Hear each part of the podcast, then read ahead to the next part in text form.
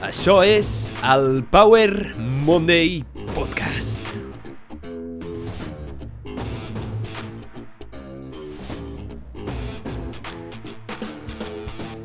Benvinguts al Power Monday Podcast. Soc en Pau, el teu apassionat de salut, inspiració i ciència, i estic molt agraït de que estiguis escoltant aquest episodi.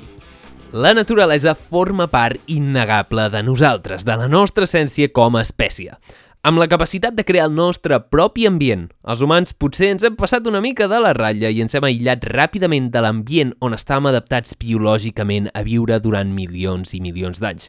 És que potser el 99,999% del temps de la història de la humanitat l'hem passat a l'exterior, a la naturalesa. I això d'estar tancats a casa i viure en una ciutat és una cosa bastant recent. Per tant, en els últims dies m'he fet la pregunta següent. Com impacta estar aïllats de la naturalesa la nostra salut. Com pot impactar anar a la naturalesa la nostra salut? Quins beneficis té? I a més a més, fa uns dies va ser el Dia de la Terra, així que per això i més he fet una breu recerca sobre els beneficis de passar més temps a la naturalesa i estar-hi més connectat. Spoiler, quan acabis aquest episodi tindràs ganes de sortir a passejar a la naturalesa i d'estar més temps immers a la naturalesa perquè no hi ha cap dubte de que existeixen molts beneficis d'estar a la naturalesa. Abans de tot, deixa'm fer-te un petit recordatori. Si t'agrada aquest contingut, si us plau, comparteix-lo amb alguna persona que creguis que se'n pot beneficiar. Em pots trobar a moltes plataformes de podcast, com Google Podcast, Spotify, Apple Podcast, on t'agrairia moltíssim que em posessis un m'agrada o un seguir. T'ho agrairia moltíssim, però sobretot t'agrairia que compartissis aquest episodi.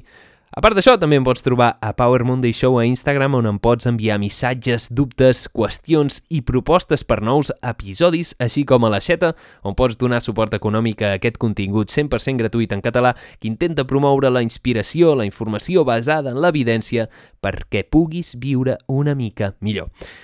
Fet aquest recordatori, en aquest episodi veurem molta informació sobre els beneficis de la naturalesa i és que més de 40 anys de recerca i anys d'història ens confirmen que el bosc, la naturalesa i els parcs tenen propietats terapèutiques a molts nivells, des de salut mental a salut cardiovascular. Així que avui veurem alguns beneficis observats, quant temps necessites per veure aquests beneficis, una mica de filosofia, una mica de teoria eh, evolutiva, com sempre, i algun consell pràctic que puguis emportar right away a casa teva perquè el puguis aplicar directament. Així que, sense més, anem a començar aquest episodi. Albert Einstein va dir una vegada Mira profundament a la natura i llavors ho entendràs tot millor. Mira profundament a la natura i llavors ho entendràs tot millor. Com et deia, la naturalesa forma part innegable de nosaltres, de la nostra espècie, i és que vivim ara mateix amb un concepte en els que nosaltres, els humans, estem aïllats del que és natural, de la naturalesa. Per què? Perquè tenim la capacitat de crear i modificar el nostre propi ambient. I potser ens hem passat massa, ja que hem anat massa lluny i hem negat les nostres qualitats biològiques que ens han adaptat a viure en aquest ambient natural durant milions i milions d'anys. I és que durant aproximadament 6 o 7 milions d'anys, els éssers humans es van desenvolupar en el medi natural, van evolucionar en aquest medi. Per tant, les funcions biològiques dels cossos humans es desenvolupen en resposta a aquest medi. Des de l'inici de la revolució industrial al Regne Unit, al segle XVIII, fa uns 200 anys només, es va provocar un ràpid creixement i industrialització i la urbanització, que va suposar un canvi significatiu en els nostres entorns de vida. Aquests entorns urbans, que només signifiquen el 0,01% dels entorns habitables de la història humana, segueixen sent un entorn completament desconegut per al cos humà. Al 2008, més de la meitat de la població mundial vivia en zones urbanes i es calcula que en el 2050 el 69% dels humans viurà en zones urbanes. Passem molt temps a la pantalla i molt poc temps al bosc. Quin impacte té viure en aquests ambients artificials, podem dir, per la nostra salut?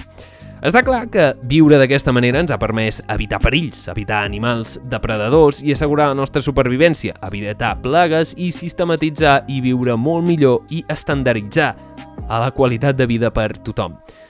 Però viure completament aïllats de la naturalesa té un cost, i és que potser ens hem passat de la ratlla, perquè vivim aïllats de part del que som. Des de fa temps penso que la naturalesa és probablement un requeriment essencial per la salut, i és una teoria que tinc jo personalment. Hauria de ser com una vitamina, la, la vitamina N, potser? Una vitamina que t'has de nutrir uh, de la naturalesa. I és que part de la nostra biologia requereix sempre estar en contacte amb la naturalesa d'alguna manera o altra per funcionar adequadament. I això ho estem observant ara mateix, els impactes que té viure a la naturalesa, els impactes que té viure a la ciutat i els beneficis que podem treure a les persones d'anar més sovint a la naturalesa o de modificar els nostres ambients perquè ens recordin una mica més a aquell ambient en el que la nostra espècie ha viscut durant pràcticament tota la seva existència i per això ha construït bases biològiques i respostes i mecanismes que ens ajuden a trobar-nos millor. Estem Eh, estem vivint en un ambient que no ens pertany. Així que la meva pregunta és, com, com et sents tu quan vas a la naturalesa? Et sents millor? La veritat és que jo quan vaig a la naturalesa em sento molt millor, tranquil, content i sembla que tot cobra més sentit. Em sento com si fos on hauria d'estar realment. Així que fetes aquestes petites reflexions, veurem quins són els beneficis concrets que pot tenir estar a la naturalesa, estar al bosc i modificar aquest ambient perquè ens recordi la naturalesa. Però abans de res, anem a entendre com pot funcionar això. Com pot ser que la naturalesa tingui beneficis per la nostra salut? Doncs primer hem d'entendre que la naturalesa té beneficis i que existeixen dues maneres per les quals la naturalesa ens pot aportar beneficis i almenys aquests són els que s'han observat científicament. Fonamentalment podem distingir els beneficis directes de la naturalesa i els beneficis indirectes. Els beneficis directes són aquells que obtens quan estàs en la naturalesa pura, com els banys de bosc, i que és el que té més evidència i ho veurem més endavant, i després tens els beneficis indirectes, que són els beneficis que obtens no quan estàs només a la naturalesa, sinó pel fet que no estàs a la ciutat i no estàs exposat a la contaminació ambiental, lumínica i sonora. Ara veurem ràpidament per separat quins impactes té la contaminació ambiental, lumínica i sonora i el fet d'anar a la naturalesa què implica per la teva biologia, per al teu funcionament com a ésser humà, com a organisme viu en aquest planeta. Així que anem a veure els beneficis indirectes d'anar a la naturalesa. Primer de tot, tenim que anar a naturalesa, anar al bosc, ens ajuda a fugir de la contaminació ambiental de la ciutat. I és que la contaminació ambiental no és una estupidesa, no és una broma, no, no és poca cosa, és la cinquena causa de mort en el món. La contaminació ambiental mata uns 5 milions de persones a l'any. 5 milions de persones a l'any moren només per la contaminació ambiental, per la contaminació que produïm en les nostres ciutats plenes d'indústries que alliberen gasos tòxics per la nostra salut, plenes de cotxes i mètodes de transport que també contaminen els nostres pulmons i que es vincula amb gran varietat de càncer, malalties eh, cardiovasculars i amb la mortalitat global. Com més contaminat ambientalment està una ciutat, més risc de mortalitat i menor és l'esperança de vida en aquella ciutat. Però no només t'ajuda a marxar de la contaminació de la ciutat, sinó a la contaminació de casa teva. I és que segons la EPA, els nivells de contaminació de dins de casa teva poden ser dos o cinc vegades superior que els nivells que trobem a l'exterior.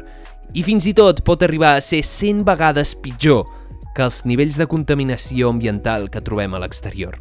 Això, clar, depèn molt de la ciutat on estiguis, de quin carrer visquis, si vius a prop de la indústria o no, però està clar que dins de les cases s'està observant uns nivells de contaminació de l'aire molt elevats, perquè no ventilem prou la casa i perquè hi ha molts gasos que s'alliberen derivats dels materials de construcció, del teu dia a dia, de cuinar, que s'acumulen dins de la casa teva i el fet de la teva activitat metabòlica i l'intercanvi de gasos sense obrir prou les finestres pot arribar a ser molt perjudicial l'ambient que crees dins de casa teva. Així que tenim-ho a obrir una mica la finestra, a airejar i sortir a fora de casa, perquè és un dels beneficis indirectes d'anar a la naturalesa, que fuig de la contaminació ambiental. D'acord, anem a veure el segon benefici indirecte d'anar a la naturalesa, i és el de fugir de la contaminació lumínica. I és que en aquest podcast he parlat moltíssimes vegades sobre els beneficis i la importància del ritme circadià. Què és un ritme circadià? Pots trobar molta informació en altres podcasts, però t'ho explicaré molt ràpidament. El ritme circadià és un ritme de 24 hores que segueixen les teves cèl·lules de l'organisme, que s'ajusten fonamentalment amb la llum del sol. I és que tots els organismes en aquest planeta segueixen un cicle d'unes 24 hores aproximadament que s'ajusta amb els cicles de sol. I això determina la nostra activitat metabòlica i moltes reaccions fisiològiques que pateix el nostre organisme. El fet de que et despertis al matí i te'n vagis a dormir a la nit no és un fet per casualitat, sinó que s'ajusta amb les cèl·lules que tens dins del teu organisme que depenen de la llum que captes del sol. Aquestes senyals determinen el nostre estat metabòlic al llarg del dia i com ens podem ajustar a diferents zones horàries, perquè ens ajustem als nostres cicles biològics en funció de la llum del sol. A què ve això? Doncs el problema és que en el món artificial creem llum artificial. Aquesta llum modifica aquestes senyals del sol i podem viure perpètuament amb llum. I el nostre cos és bastant estúpid i no sap distingir la nit del dia quan li emetem aquesta llum que mimetitza la llum del sol, que altera els nostres ritmes metabòlics i que s'ha observat moltes vegades que aquelles persones que no tenen els ritmes circadians ben ajustats tenen problemes de salut, no es troben bé i no gaudeixen tant de la vida. Per tant, estar exposat constantment a la llum artificial pot ser negatiu per la nostra salut, com s'ha demostrat moltíssimes vegades. Sortir a la naturalesa et pot permetre marxar de la llum artificial i, sobretot, un benefici indirecte d'estar exposat a la llum del sol és produir vitamina D. Bé, indirecte o una mica directa. Produir aquesta vitamina que depèn del sol, la vitamina D, una vitamina essencial que és necessària per la nostra supervivència. A més d'això, la llum del sol ens ajusta automàticament al nostre rellotge intern. I és que no totes les radiacions llumíniques, és a dir, la llum, són les mateixes i tenen el mateix impacte en la nostra salut i això ho estem veient en diferents estudis publicats recentment. I és que la llum del sol permet ajustar fàcilment el teu ritme circadià i t'ajudarà a que vagis a dormir de manera automàtica. I de fet, tinc una experiència recent i particular. Fa uns dies vaig anar a Setmana Santa d'acampada i estant a la naturalesa amb aquest cicle normal del sol, sense exposar-me a llum artificial, acabava dormint amb la posta de sol i despertant amb l'alba de manera automàtica. Amb només 3 dies, veient aquesta llum del sol, quan es ponia el sol, em sentia cansat, em sentia bé cansat, em sentia amb moltes ganes d'anar a dormir. Anava a dormir i a les 6 del matí se m'obrien els ulls de manera automàtica. Després acabava fent el ronso una mica eh, dins de la tenda, però bueno, això és una altra història. El cas és que amb la llum del sol ens podem ajustar al ritme circadià. I de fet, diferents estudis on ens porten els nens d'acampada observen això mateix que em va passar a mi, on nens que tenien dificultats amb dormir i problemes i trastorns del son, sortia a la naturalesa, s'ajustava al seu ritme circadià i s'anaven a dormir amb la posta de sol i es despertaven automàticament amb la sortida del sol. De fet, un estudi publicat al Journal of Affective Disorders va observar en una població de 500.000 persones a Gran Bretanya com la baixa exposició a la llum diurna, és a dir, la llum de fora, és un factor de risc ambiental molt important per l'estat d'ànim, la son i els resultats circadians i la salut en general. Per tant, no exposar-te a la llum del sol et fa malalt, et fa trobar-te pitjor. I això també ho sabem per les poblacions nòrdiques, aquestes poblacions que viuen en zones on no hi ha gaire llum del sol, on els ritmes circadians es veuen alterats, i fins i tot aquelles poblacions que es cuiden, que mengen bé i fan exercici tenen uns resultats negatius només per no exposar-se a la llum del sol necessària. I veiem que aquelles poblacions que potser no es cuiden tant però que viuen en ambients on la llum del sol és potser més estable es troben millor, sobretot en els trentons mentals. Per tant, no són només els beneficis de la vitamina D, sinó com la llum ajusta els teus ritmes circadians a través de certs mecanismes que tens instal·lats dins teu que s'han anat construint al llarg de la nostra història com a espècie per ajustar-nos i dormir i despertar, tenir un estat de dormir on ens reparem, on recuperem el nostre metabolisme i al matí ens despertem i ens activem. Així he dit molt a, a lo tonto. Però el cas és que la llum és essencial i la naturalesa et permet exposar-te a la llum beneficiosa del sol i fugir de la llum artificial que pot alterar els nostres ritmes circadians, sobretot si la mirem quan no toca, per tant, a la nit no miris gaires pantalles, menys pantalles i més sol. Altres radiacions que no són llumíniques, com les zones Bluetooth, Wi-Fi i les 5G famoses, podrien tenir cert efecte, tot i que és molt controvertit i el més probable és que no siguin perjudicials per la nostra salut, però s'ha de tenir en compte que quan anem al bosc aquestes zones no estan presents i si tinguessin algun efecte perjudicial podrien tenir uh, un efecte beneficiós viure més en la naturalesa perquè es troben menys en la ciutat.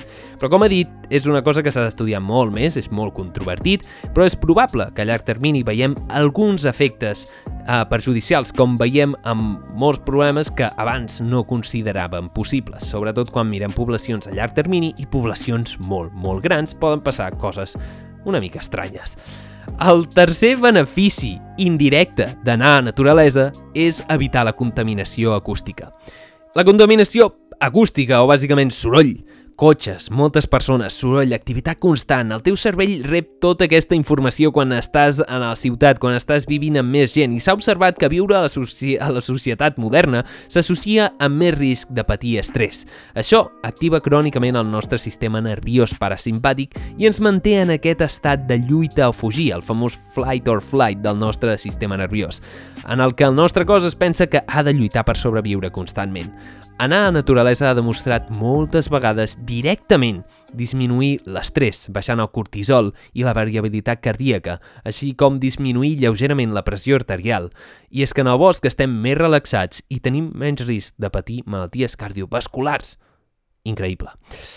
Per últim, tenim el quart benefici indirecte, i és que els ambients naturals promouen comportaments saludables perquè anar a la naturalesa anima a moure't, i és que hi ha molts beneficis que podem veure quan caminem, sigui en la naturalesa o no, però si anar a la naturalesa és una excusa perquè surtis de casa, evitis aquesta contaminació acústica, evitis la contaminació lumínica, evitis la contaminació ambiental de casa teva i, sobretot, et moguis, que és beneficiós, sigui pràcticament en l'ambient que sigui, veuràs un benefici. Per tant, molts estudis, quan veuen beneficis de la gent que va a la naturalesa, el que estan veient en realitat és el benefici de fer exercici. Llavors, potser aquí vindria la pregunta. D'acord, Pau, hi ha molts beneficis indirectes de la naturalesa, però aquests beneficis no són de la naturalesa en si, sinó fugir de les, del sedentarisme i de la societat moderna i dels seus hàbits tòxics que, en els que estem exposats completament. Això és cert, potser no fa falta fugir i anar al bosc completament. Per tant, anem a veure Té la naturalesa algun efecte per si sol? Algun benefici directe de la naturalesa so sobre la nostra biologia? Doncs la veritat és que sí. La veritat és que sí que existeixen beneficis directes i individuals de l'exposició a la naturalesa que no depenen només de fugir de la ciutat o de fugir d'aquests hàbits tòxics. I ara els veurem. I és que segurament ja coneixes el que es coneix com a bany de bosc, el Shinrin Yoku, que és aquesta acció terapèutica d'estar en el bosc sense fer res més que observar la naturalesa. No et facis la idea equivocada, no es tracta de despullar-se i resbolcar-se pel bosc, tot i que això podria ser interessant i divertit, no, no, sé, no sé en quin sentit, sinó de fer una immersió conscient a l'atmosfera del bosc, sense distraccions és com un tipus de meditació, i els japonesos el van anomenar Shinrin-yoku.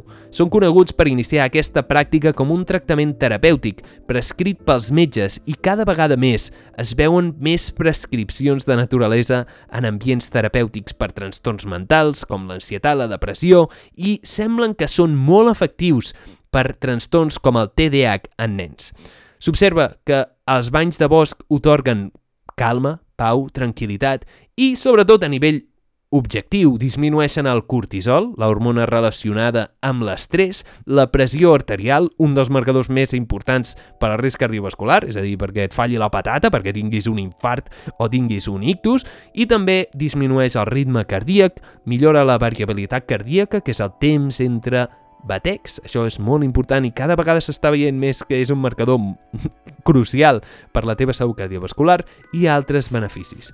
Per tant, com em deia abans, fugir de la ciutat té beneficis perquè simplement evites certs tòxics. Però per si sol estar al bosc té alhora aquest benefici de disminuir l'estrès, millorar la circulació i trobar-te millor. Així que anem a veure alguns beneficis concrets que ha observat la ciència. Parlarem de quatre beneficis que ha observat la ciència que té directament la naturalesa sobre la nostra salut.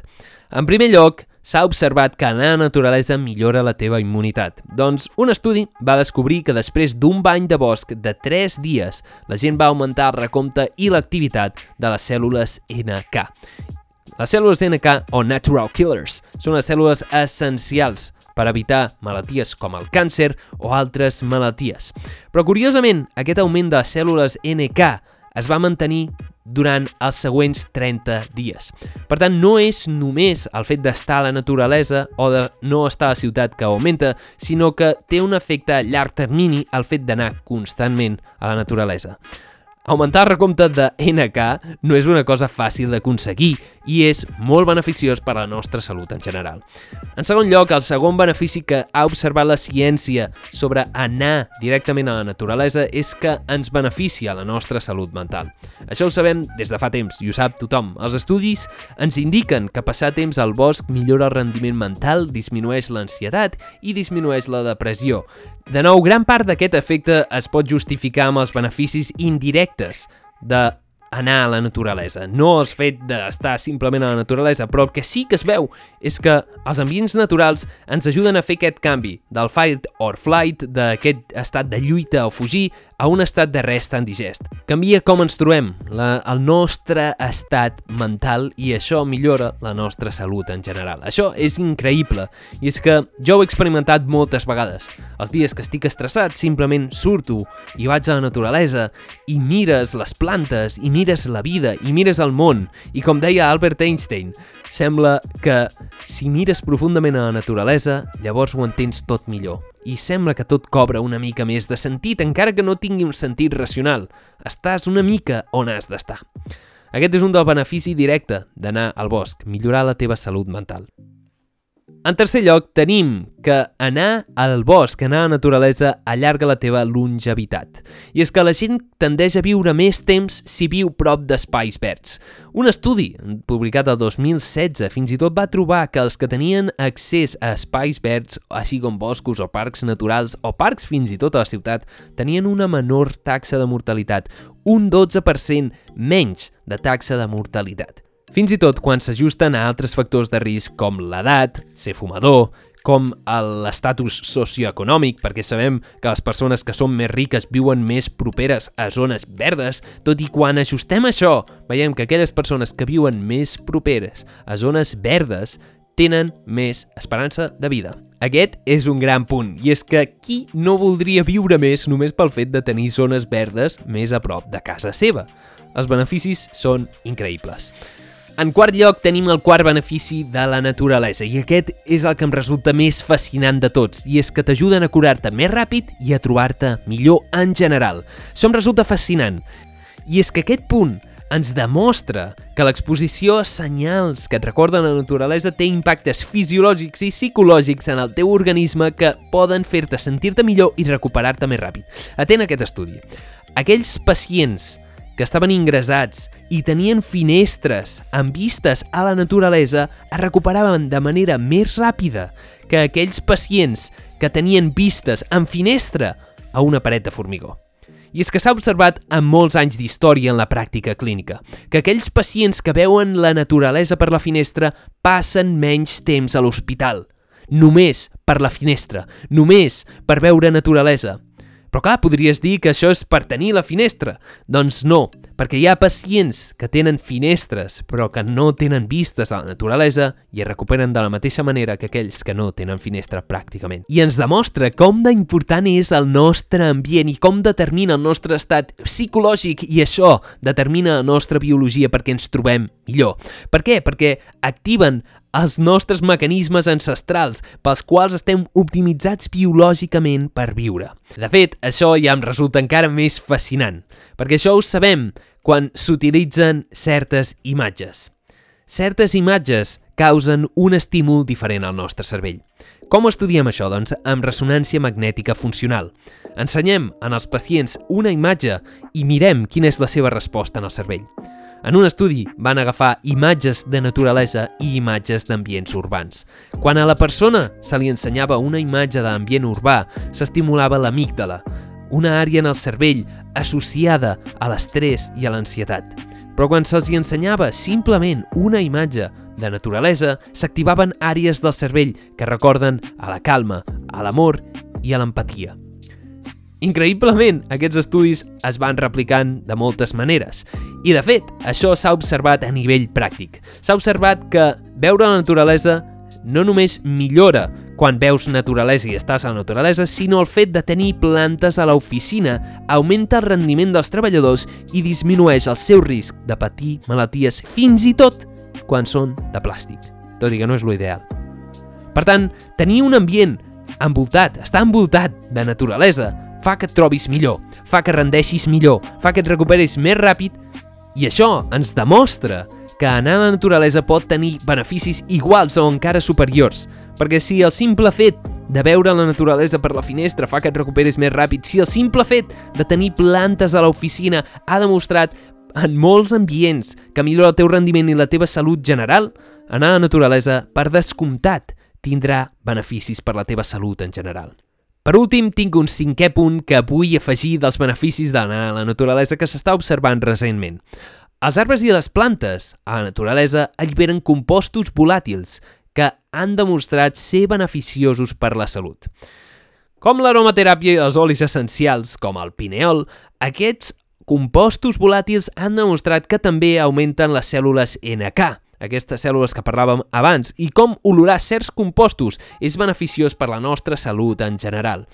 Això està en constant estudi, per això també és interessant utilitzar plantes de debò a l'oficina i no plantes de plàstic, perquè realitzen aquest intercanvi de gasos que sembla ser que és beneficiós per la nostra salut perquè alliberen aquests compostos funcionals, aquests compostos volàtils que fan que el bosc tingui, tingui aquesta olor, aquesta olor que ens recorda estar millor, potser a un bon moment, a la calma i a la pau. Per tant, si has de plantar plantes... Si has de plantar plantes... Si has de tenir plantes a casa teva o a la teva oficina, si us plau, que siguin de debò. Per tant, dit això, veiem que la naturalesa és molt beneficiosa per la nostra salut. Estar al bosc o al parc ha demostrat en molts estudis independents que pot beneficiar la nostra salut en general, allargar la nostra esperança de vida i, coi, trobar-nos millor.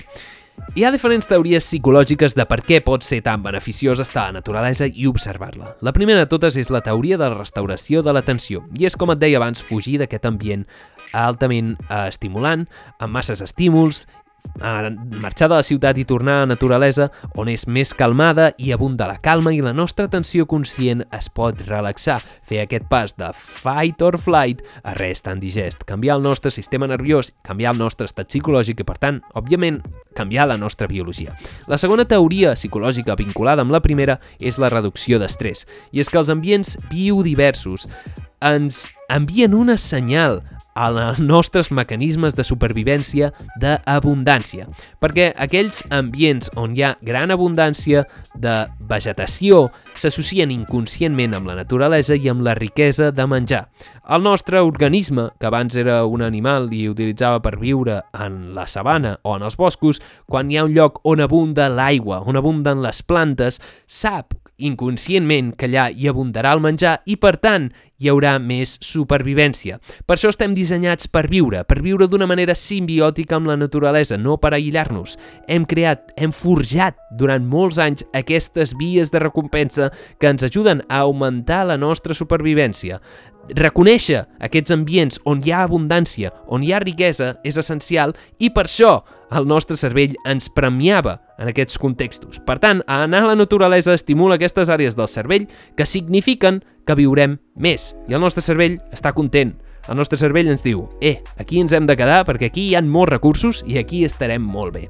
En canvi, quan estem a la ciutat, aquests senyals, aquestes plantes, no les veiem. I això com ho sabem que és beneficiós per la nostra salut? Pel que deia abans, simplement l'estímul visual de veure imatges de naturalesa ens fa sentir millor. Això ho saben, per exemple, els de la NASA, i és que l'Estació Espacial Internacional fa un temps van instal·lar panells on hi havien fotografies d'herba i boscos, i han observat que els astronautes tenen un menor índex d'estrès i d'ansietat a estar allà dalt que si allò no és un ambient no natural per la nostra espècie, no sé què ho és. Així que si fins i tot els de la NASA utilitzen fotografies i plantes per recordar-se a la naturalesa, per què no ho hauries de fer tu també? Llavors, ara potser diguis, val, Bau, jo uh, visc a la ciutat, em queda molt lluny a la naturalesa i no hi penso anar. Doncs si no pots anar a la naturalesa, pots construir un millor ambient. I aquí venen els consells d'aquest episodi. Si no pots anar a la naturalesa, construeix un ambient més proper a la naturalesa dins de casa teva o la teva oficina. Com ho pots fer això?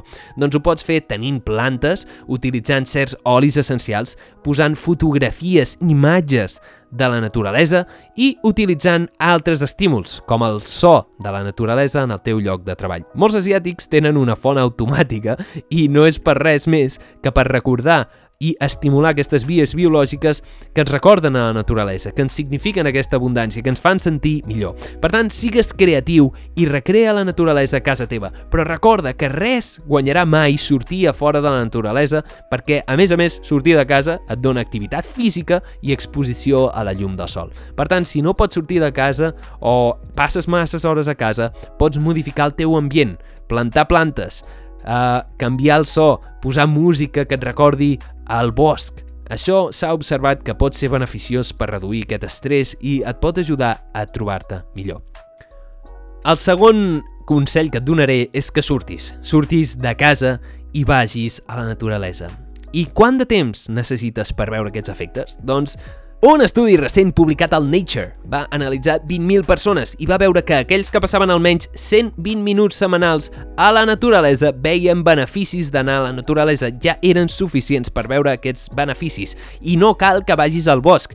Uh, pots anar a parcs de la teva ciutat, pots anar a zones verdes, però si vas a la naturalesa i la observes de manera més tranquil·la i t'aïlles d'aquests ambients una mica tòxics, veuràs els beneficis. Dues hores setmanals són més que suficients per veure aquests beneficis.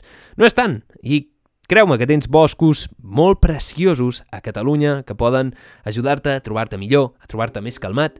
I de fet, jo ara mateix me n'aniré al bosc, sortiré a passejar, a veure la llum del sol, a estimular-me, a sortir d'aquest ambient una mica tòxic que tinc a casa i a respirar purament aquests compostos volàtils que alliberen els arbres. La veritat és que és increïble i cada vegada veurem més els beneficis de la natura, perquè cada vegada creem un món més industrialitzat que ens aïlla i això ens causa efectes perjudicials. Molts doctors estan començant a sumar-se al carro de prescriure medicina natural, en el fet de sortir de casa i anar a la naturalesa, prescriure naturalesa. Molts metges també s'estan adonant compte que en els ambients clínics posar imatges que recordin la naturalesa milloren els resultats de les operacions i el temps que passes a l'hospital. I és que la veritat, els estudis apunten cap a una sola direcció. La natura no és només agradable d'experimentar, sinó que és imprescindible per a la salut física i la funció cognitiva. Com et deia abans, se'ns oblida una vitamina essencial, la vitamina N, la vitamina naturalesa. El fet d'exposar-nos en aquell ambient on estem dissenyats a viure és essencial per la nostra supervivència i per trobar-nos bé. I com més aïllats visquem d'aquesta realitat i com més neguem els nostres orígens biològics i aquestes bases que ens fan ser qui som, que és la nostra essència, més veurem els perjudicis, més veurem els efectes. Està clar que no és miraculós. Està clar que els estudis que hi han no són molt evidents de que et curaran el càncer o de que et salvaran la vida. Però aquí parlem d'una filosofia, d'una manera de viure, de viure amb correlació, en equilibri amb la nostra naturalesa. I també, per últim, s'ha observat que aquelles persones que surten més a la naturalesa tenen una millor consciència del món i són més respectuosos amb el medi ambient. Així que t'animo a que surtis a la naturalesa, que surtis a passejar, que t'exposis a aquests estímuls essencials per la nostra supervivència que ens han construït com a espècie al llarg de milers i milers d'anys. Aquesta herència que ens han deixat els nostres ancestres que ens han portat a ser qui som avui. Podem gaudir del millor dels dos mons. Podem gaudir dels beneficis de la salut pública, de la medicina moderna, de controlar les aigües, de tenir menjant constantment i allargar la nostra esperança de vida fins a 80 o 100 anys. Podem gaudir d'això, però també podem gaudir de la naturalesa i exposar-nos a parcs naturals, exposar-nos i observar la naturalesa, que és el que som nosaltres. Nosaltres no estem separats de la naturalesa, nosaltres en formem part. Així que no neguis aquesta capacitat, no neguis aquest benefici, no neguis aquesta realitat. La naturalesa ets tu, tu ets la naturalesa, i passar-hi més temps t'aportarà grans beneficis. Així que tinc una pregunta per tu. Quan començaràs a anar més a la naturalesa? Quan començaràs a exposar-te a aquests beneficis? I com modificaràs el teu ambient artificial perquè et recordi, perquè t'estimuli de certa manera que et faci estar millor. Plantes, sons, una mica de tot. I també recorda que la naturalesa és curativa perquè és d'on som, d'on venim i on hem viscut. Així que cuida la naturalesa com ella cuida de tu. I això és tot per aquest episodi. Ei, moltíssimes gràcies per haver escoltat aquest episodi. Espero que t'hagi agradat molt o t'hagi aportat una mica de valor. Recorda, si us plau, si t'ha agradat aquest episodi, comparteix-lo amb alguna persona que creguis que el pot ajudar o que li pot obrir una mica la perspectiva i t'ho agrairé moltíssim i ajudaràs a fer créixer el Power Monday Podcast. Et recordo que em pots trobar a moltes plataformes de podcast com Google Podcast, Spotify i Apple Podcast o Stitcher. Allà t'animo a que em posis m'agrada, em posis seguir i si vols em pots enviar un missatge a Power Monday Show a Instagram Instagram on pots enviar dubtes, preguntes i propostes per nous episodis. Per últim, em pots trobar a la Xeta, on pots donar suport a aquest contingut 100% gratuït en català que intenta promoure la inspiració i viure una mica millor cada dia gràcies a la informació basada en l'evidència i la personalització d'aquesta informació per cada un de nosaltres. Espero que aquest episodi t'hagi ajudat molt, que la naturalesa t'animi, t'inspiri i et faci veure que no estem separats d'ella que la cuidis i que celebrem el dia del planeta Terra, el dia de casa nostra, el dia d'això que ens uneix tots, perquè l'experiència sigui encara millor i recordem què som i d'on venim. La naturalesa és curativa, així que cuida la naturalesa com ella cuida de tu. Moltíssimes gràcies per escoltar aquest episodi. Desitjo, com sempre, una setmana increïble, èpica, plena de creixement personal i naturalesa i ens veurem, com sempre, sempre, sempre, en el pròxim episodi. Ciao! Me'n vaig a passejar, no sé tu, jo me'n vaig a passejar. Jo, jo aquí ja he acabat. Me'n vaig al bosc a respirar, a inspirar, a fer aquella inspiració que vas... Ah, allò que et sents tan bé, doncs pues això és el que vaig a fer. que tinguis molt bona setmana. Ciao.